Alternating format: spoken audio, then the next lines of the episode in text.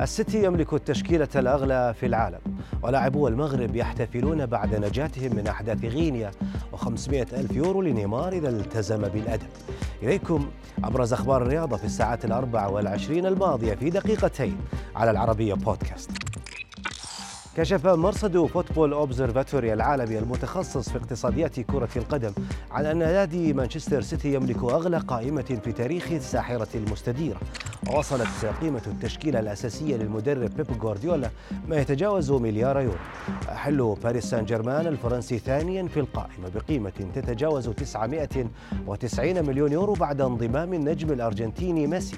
ثم تشيلسي بطل دوري أبطال أوروبا بقيمة 915 مليون يورو بعد ضمه لوكاكو. ويأتي مانشستر يونايتد رابعا بقيمة 910 ملايين يورو بعد انضمام رونالدو.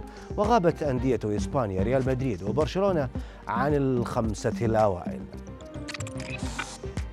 احتفل لاعبو وأعضاء المنتخب المغربي بالهروب من غينيا بعدما علق الفريق في انقلاب نفذه جنود في كوناكري عن طريق غناء النشيد الوطني في طائرة العودة إلى بلاده.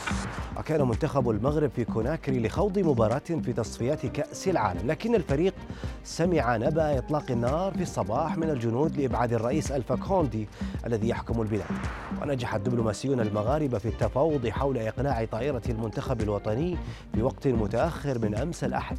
وقبل ساعات من موعد المباراة التي تقرر تأجيلها إلى وقت لاحق.